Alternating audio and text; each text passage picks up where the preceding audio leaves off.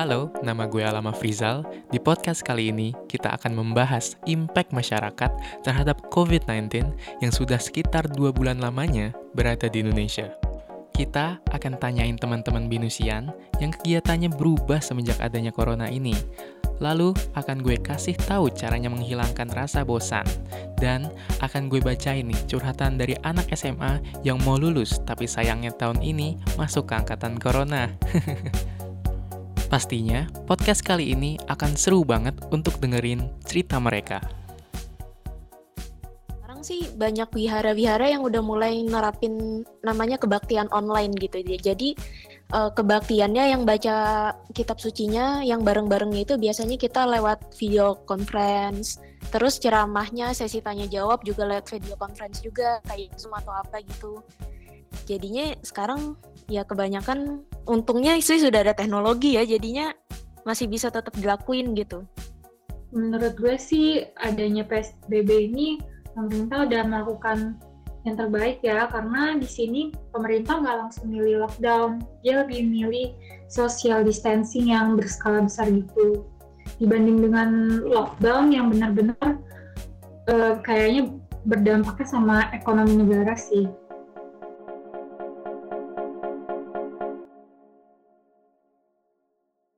Pada tanggal 31 Desember 2019, otoritas China memberitahu WHO tentang adanya kasus pneumonia di kota Wuhan, Provinsi Hubei, China, dengan penyebab yang tak diketahui.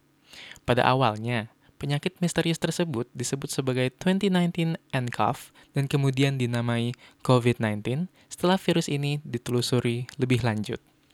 Yang gue duga kenapa virus ini berubah menjadi pandemi, mungkin karena adanya traveling dan perdagangan internasional dan semuanya udah tahu virus pandemi ini sudah dirasakan secara global. Tak hanya mencari tahu dari mana virus itu menyebar, pemerintah juga telah mengadakan PSBB atau pembatasan sosial berskala besar di beberapa daerah, seperti Jakarta, yang telah berlangsung selama dua minggu mulai dari 10 hingga 23 April 2020. PSBB ini merupakan salah satu strategi pemerintah dalam mencegah kemungkinan penyebaran virus corona yang mana juga telah tertuang di dalam aturan PMK nomor 9 tahun 2020. Mungkin dari kalian ada yang sudah merasa bosan tinggal di rumah berminggu-minggu untuk menjalankan peraturan PSBB dan berandai-andai jika Indonesia sudah bersih dari pandemi corona, kalian mulai belajar di kelas lagi, nongkrong dengan teman-teman, dan aktif berorganisasi lagi. Tapi kalian tahu nggak sih, ada yang lebih sedih nih, anak SMA yang harusnya lulus tahun ini, kebahagiaannya harus ditunda karena adanya pandemik ini siswi bernama Levina di SMA Negeri 4 Depok punya rasa kecewa nih. Yang harusnya tahun ini ada acara perpisahan, tapi harus ditunda sampai waktu yang tidak ditentukan. Katanya, untuk ujian sekolah sudah dilakukan, namun ujian nasional harus dibatalkan. Dan saat ini, siswi yang bersekolah di SMA Negeri 4 Depok harus belajar terus karena pada Juli nanti diadakan ujian SBM PTN. Nah, kalau saat pandemik ini nih, kok gue ngeliat banyak banget binusian yang nyobain masak di rumahnya. Mulai dari mentai, puding, boba. Nah, kalian sudah nyobain belum nih masak-masak di rumah untuk menghilangkan rasa bosan? Setelah gue lihat nih, di YouTube banyak banget loh resep masak yang mudah dan enak rasanya. Mungkin kalian bisa coba untuk mengurangi rasa galau lo atau rasa bosan lo di rumah tiap hari. Yuk cobain. Nggak seru ya kalau dengerin cerita gue terus dari tadi? Nah, kita akan dengerin nih hasil wawancara gue dan Binusian 2022 Evelyn Feria, jurusan akuntansi yang kegiatan keagamaannya nih harus lewat online. Wawancara ini gue rekam pada tanggal 6 Mei 2020 melalui panggilan online.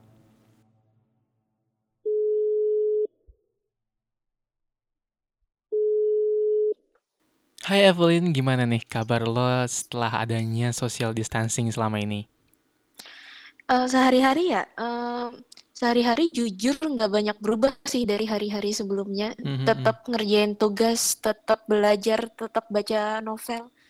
Cuman bedanya sih biasanya kan ada kegiatan-kegiatan kayak memang harus ngumpul sama organisasi atau keagamaan itu sih yang kayak berasa banget hilangnya gitu. Oke, terkait dengan keagamaan nih, Lin. Lo kan biasanya ke vihara buat kegiatan keagamaan. Semenjak adanya corona nih, lo kalau mau berdoa harus gimana sih? Biasanya, biasanya sih datang ke wihara, baca kitab suci, dengar ceramah, terus ada sedekah gitu, semacam sesi sedekah, terus ngumpul-ngumpul, biasanya makan bareng gitu-gitu sih, terus pulang. Hmm, setelah adanya corona nih, apakah ada perubahan dengan cara lo berdoa? Biasanya sih sekarang sih banyak wihara-wihara yang udah mulai nerapin namanya kebaktian online gitu. Jadi uh, kebaktiannya yang baca kitab sucinya, yang bareng-barengnya itu biasanya kita lewat video conference. Terus ceramahnya, sesi tanya jawab juga lewat video conference juga, kayak Zoom atau apa gitu. Jadinya sekarang ya kebanyakan untungnya sih sudah ada teknologi ya jadinya Bener banget itu. masih bisa tetap dilakuin gitu. Oke. Pertanyaan terakhir nih, Lin. Apa harapan lo jika pandemi corona ini selesai? Mungkin Mm-mm. dari sikap lo sehari-hari. Hmm, iya sih, Da- dari corona kita bisa belajar buat ini ya, lebih menghargai kesehatan, lebih menghargai kebersihan. Yang awalnya makan asap makan aja sekarang harus cuci tangan, kepikiran cuci tangan ini itu. Sebenarnya sih itu itu juga sama ini sih dari corona ini kan yang awalnya jauh-jauhan sama keluarga, maksudnya yang tet- yang awalnya orang tuanya sibuk atau apa, sekarang kan lebih banyak waktu untuk family-nya, buat keluarganya. Aku harap sih setelah corona ini selesai, keluarga-keluarga yang awalnya saling jauh sama keluarganya sendiri, itu bondingnya akan tetap berlanjut gitu sih. Oke, Lin, terima kasih atas jawaban lo. Jawaban lo memang keren banget. Dan mudah-mudahan Hmm. nih corona selesai, Iya, semuanya bisa sehat kembali ya. ya, alam juga ya. Oke, bye. Menarik banget ya jawaban Evelyn tadi. Gue nggak bisa kira-kira gimana jadinya kegiatan agama dijadiin online. Gak cuma Evelyn, kita juga punya juga jawaban dari Dinda Febrianti, Binusian 22, jurusan akuntansi, yang sibuk banget nih sama organisasi mahasiswanya. Wawancara ini gue rekam tanggal 5 Mei 2020 melalui panggilan online. Tapi sebelum itu, dengerin dulu nih tips-tips cara biar lo gak gampang bosan. Yang pertama, kalian bisa bersosialisasi. Kalian bisa kontak keluarga kalian atau chat teman kalian di kampus. Yang kedua, melakukan hobi. Ini nih yang menurut gue paling manjur. Dengan melakukan hobi, kalian bisa menghilangkan rasa bosan loh. Mungkin yang ini bikin kalian shock, yaitu tidur. Nggak salah kok kalau kalian tidur, walaupun tidur ini terasa singkat. Tidur dapat menjernihkan pikiran loh.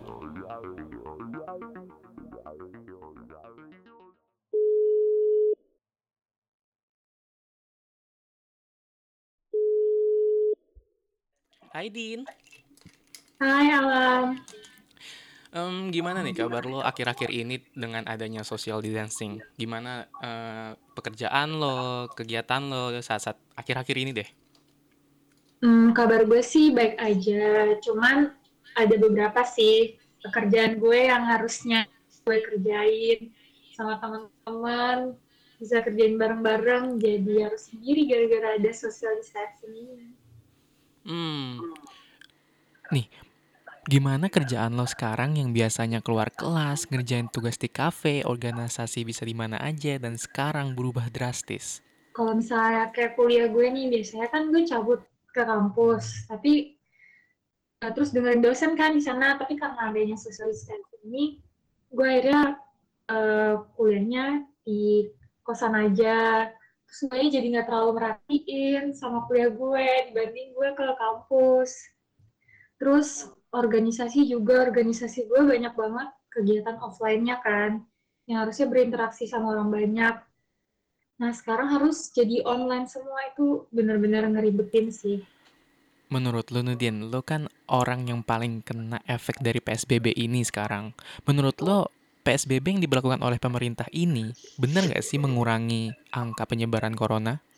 Menurut gue sih adanya PSBB ini pemerintah udah melakukan yang terbaik ya, karena di sini pemerintah nggak langsung milih lockdown, dia lebih milih social distancing yang berskala besar gitu. Dibanding dengan lockdown yang benar-benar eh, kayaknya berdampaknya sama ekonomi negara sih. Oke, dan ini pertanyaan terakhir buat lo.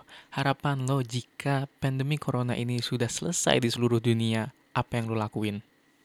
Harapan gue sih bagi diri gue sendiri dulu aja ya. Harapan gue semoga kalau misalnya nanti uh, corona ini kelar, gue belajar.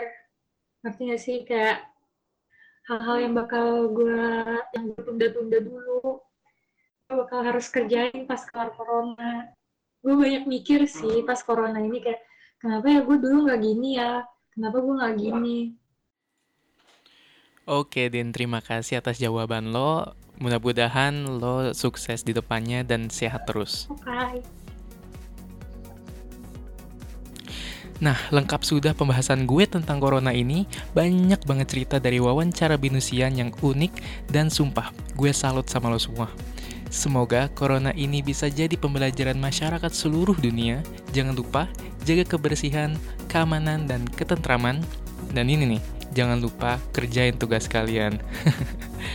gue Alam Afrizal, terima kasih buat dengerin podcast ini dan gue cabut.